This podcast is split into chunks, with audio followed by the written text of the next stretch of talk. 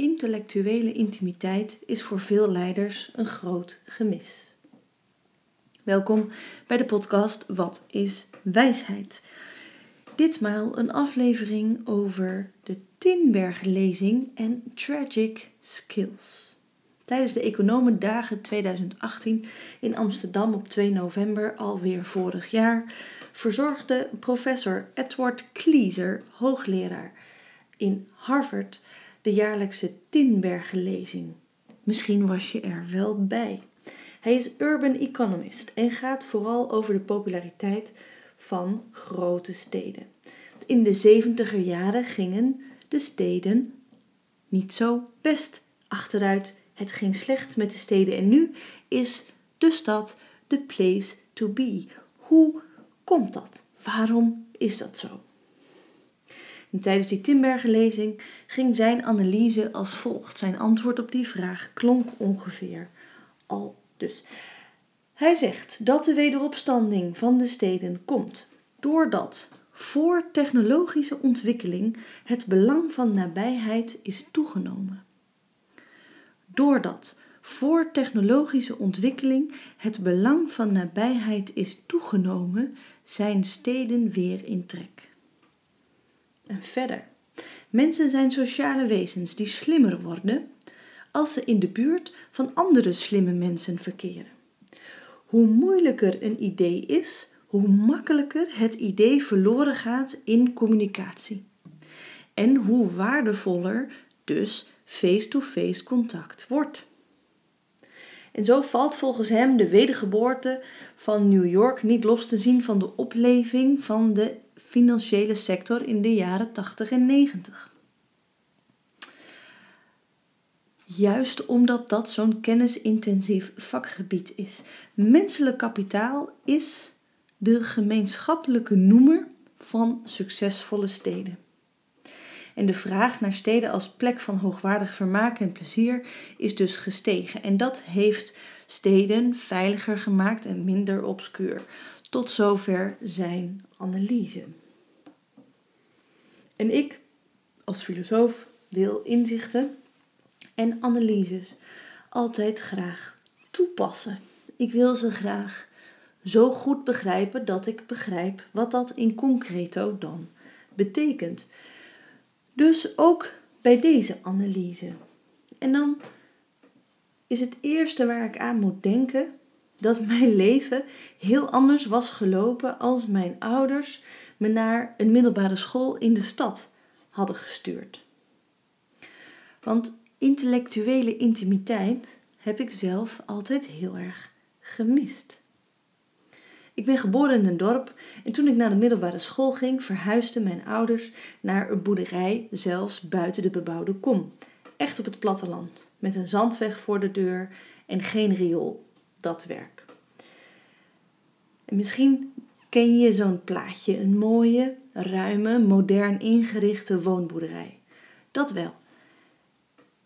Maar het leven was anders gelopen als ik vanaf daar naar de stad was gereisd voor een gymnasium, gymnasiumscholing. Dan, als ik dat had gedaan, was het anders gegaan dan hoe het is gegaan. Ik ging naar zo'n grote regionale scholengemeenschap in de provincie. En daar heb ik betrekkelijk makkelijk mijn VWO gehaald en best een leuke tijd gehad hoor. Maar ik vond er geen soortgenoten. En in de stad was dat waarschijnlijk anders geweest. Hoe doe jij dat trouwens? Praat jij vaak met mensen die denken zoals jij? Of met mensen die misschien andere antwoorden geven, maar wel dezelfde soort vragen leuk vinden? Hoe doe jij dat? Heb jij veel gesprekken met mensen die over hetzelfde soort vragen willen nadenken? Bijvoorbeeld over de vraag: doet het ertoe wat je doet? Wat wil je tegen jezelf kunnen zeggen als je met pensioen gaat? Hoe interessant was je werk? Hoezeer doet het ertoe wat je hebt gedaan? En mogelijk verschillen die antwoorden, dat mag best. Maar hoe fijn is het om mensen om je heen te hebben met wie je je echte vragen kunt delen? Dit zijn natuurlijk maar een paar voorbeelden van vragen. Maar juist als je net even wat andere vragen stelt dan de meeste mensen, hoe fijn is het dan om jouw echte vragen te kunnen delen met anderen die dus ook die vragen hebben? Tenminste, als je ze nog stelt. Want ik spreek ook veel mensen die die vragen slechts nog sluimerend hebben, maar al lang niet meer echt stellen. Zelfs niet aan zichzelf. En dan zijn ze meer een soort duf gevoel geworden dat rondwaart.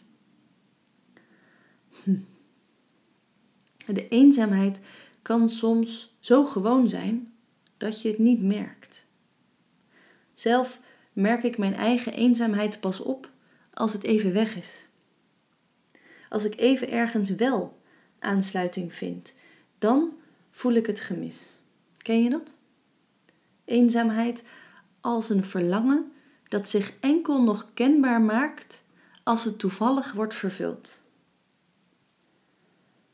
Ondertussen heb ik radicale keuzes gemaakt in mijn leven um, om dat anders in te richten. En dan bedoel ik niet alleen dat ik na mijn middelbare school verhuisde naar Amsterdam om te studeren, wat ondertussen ruim 20 jaar geleden is.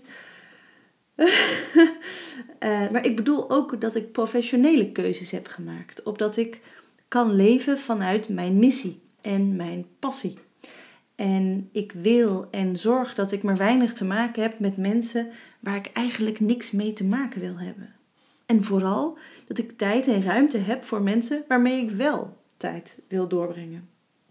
Als filosoof heb ik natuurlijk filosofen om me heen, maar ook ondernemers. En ik hou zo van die gesprekken met allebei. Het face-to-face contact met de filosofen vanwege de intellectuele uitdaging.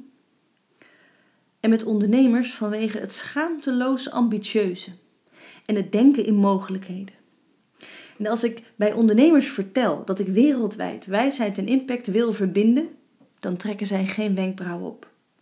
Dan stellen zij niet de achterdochtige vraag: Oh, hoe wil je dat dan bereiken?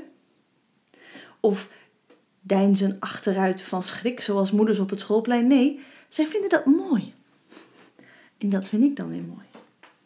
En dan zijn er de gesprekken met mijn klanten, daar hou ik ook zo van. Want zij willen, net als ik, die twee verbinden, die twee samenbrengen: wijsheid en impact. Inzichten toepassen op de praktijk en soms, de soms bitter eenzame realiteit van bestuur en management, om daarop die inzichten toe te passen. En die gesprekken zijn ook zo mooi. En eigenlijk zijn ze te zeldzaam. Eerst is er dan het verlangen naar verdieping, de gretigheid naar kennis en inzicht. Maar dan komt ook het ongeduld van wat betekent dit voor mij in de praktijk? En die vraag vraagt om timing. Want dat is pas een waardevolle vaardigheid. De timing van de toepassingsvraag. Zoeken, denken, overwegen, reflecteren, bevragen en dan op een goed moment toepassen. Heerlijk vind ik die gesprekken. En ik hoop dat jij ze ook hebt, af en toe. De verdieping op de werkpraktijk, op je professionele bestaan. Met wie deel jij die? Misschien lees je veel, maar dat doe je alleen. En dat is nogal eenrichtingsverkeer.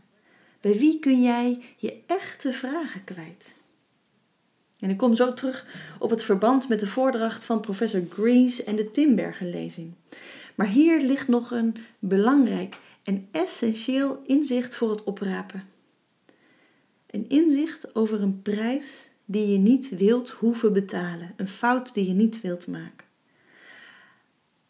Want als we het hebben over goede gesprekken en waardevolle gesprekspartners, en dat zijn niet je vrienden, want waarheid en vriendschap gaan niet goed samen. Maar als we het hebben over goede gesprekken en waardevolle gesprekspartners, wat dus niet je vrienden zijn, dan is er een serieuze vergissing waarop ik je graag wil wijzen. Want het is een van de tragic skills van de succesparadox. Een tragiek die leidt tot de succesparadox. Het gaat om vaardig zijn in je inschatting waar je je vraag kunt neerleggen. Als je die inschatting steeds goed kunt maken, waar je je vragen neer kunt leggen, dan geeft dat impact. Dan maakt dat jou tot een prettige samenwerkingspartner, want je overvraagt niemand. En je ondervraagt ook niemand, zo gezegd. Het maakt jou tot een betrouwbare leider. Het maakt jou een goede leidinggevende, want je zet uit wat je waar uit kan zetten. Het maakt je een fijne collega, et cetera, et cetera. De consequentie van een sluimerende eenzaamheid is leegte en betekenisloosheid. De voeding missen is juist als je sterk bent een probleem wat je lang genoeg kunt verdragen om er vervolgens te laat achter te komen dat het een probleem is. Ik zeg niet dat je naar de stad moet verhuizen, om maar even weer terug te komen op de Timbergenlezing, waarover ik zo nog iets zal zeggen. Ik zeg niet dat je naar de stad moet verhuizen. Wel, zeg ik, zoek eens iemand op waar je een echte vraag mee kunt delen. Ga eens een echt gesprek voeren over iets wat je werkelijk aan je hart gaat. Niet om iets te regelen, ook niet om het op te lossen, maar om de schoonheid en intimiteit van dat gesprek te voelen, dat te ervaren. Doe het eens en kijk hoe het voelt. Want lang niet altijd kan dat alleen maar met mensen waarvan jij denkt dat zij de enige zijn die jouw wereld begrijpen. Daar kon je je dus nog wel eens in vergissen. En toen ik als jonge ondernemer begon, heb ik die vergissing vaak aan den lijve ervaren. Dan kwam ik zo'n zaaltje binnen voor een reflectiesessie bij een of ander bedrijf of een organisatie. Dan mocht ik het gesprek leiden. Je kent die settings wel, water op tafel en dat soort dingen. En dan hoorde je iedereen denken: zij, als ik binnenkwam, gaat dat meisje ons iets leren? Terwijl de organisator dan nog iets positiefs over mij probeerde te zeggen. En een dappere of een brutale deelnemer, het is maar hoe je daarnaar kijkt, in het zaaltje zei je ooit: Heb je ook ergens gelegenheid gehad om praktijkervaring op te doen? suggererend dat het geen vak is om mensen zoals zij met elkaar in gesprek te brengen over de substantiële zaken des levens. Gelukkig leerde ik snel hoe ik die vergissing in mijn voordeel kon laten werken aan het begin van die sessies. En dat heeft me vaak een voorsprong opgeleverd, waardoor ik sneller indruk kon maken en de diepte in kon gaan. Maar tegen de achtergrond van de Tinbergenlezing is het wel interessant, want het benadrukt de waarde van face-to-face contact. De kwetsbaarheid van communicatie en hoe je slimme dingen, moeilijke ideeën, het makkelijkst in leven houdt als je ze real life deelt met anderen.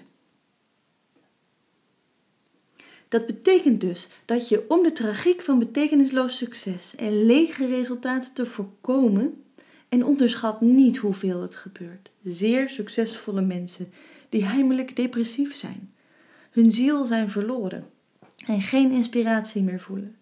Om dat te voorkomen en de diepe inspiratie die denkers kennen niet alleen in leven te houden, maar uiteindelijk zelfs een echte plek in je leven te geven, Daarvoor is het nodig om genoeg goede gesprekken te voeren met gelijkgestemden over jouw echte vragen. Want leeg en betekenisloos, dat is niet hoe gelukkige mensen zijn. Laat staan hoe wijze leiders zijn. Zij delen hun gedachten, zoeken ontmoeting om zich te ontwikkelen en om het leven te ervaren. En dat gun ik jou zo. En ik wil je zelfs wel helpen. Als je echt niemand kan bedenken, Mail me dan je echte vragen en vanuit welke rol je ermee bezig bent. Dan voeren jij en ik er een telefonisch reflectiegesprek over. Geen verkoop, geen kosten. Dan denk je meteen waarom dan wel? Omdat ik meen wat ik zeg. Omdat het leuk is en omdat ik het belangrijk vind. Een beetje nadenken. En reken maar dat ik je er dan ook nog steeds op uit zal sturen. Maar soms helpt het om even op gang te komen of om de vraag helder te krijgen. Dus voor de drie mooiste vragen maak ik tijd. En dan gaan we een uurtje bellen.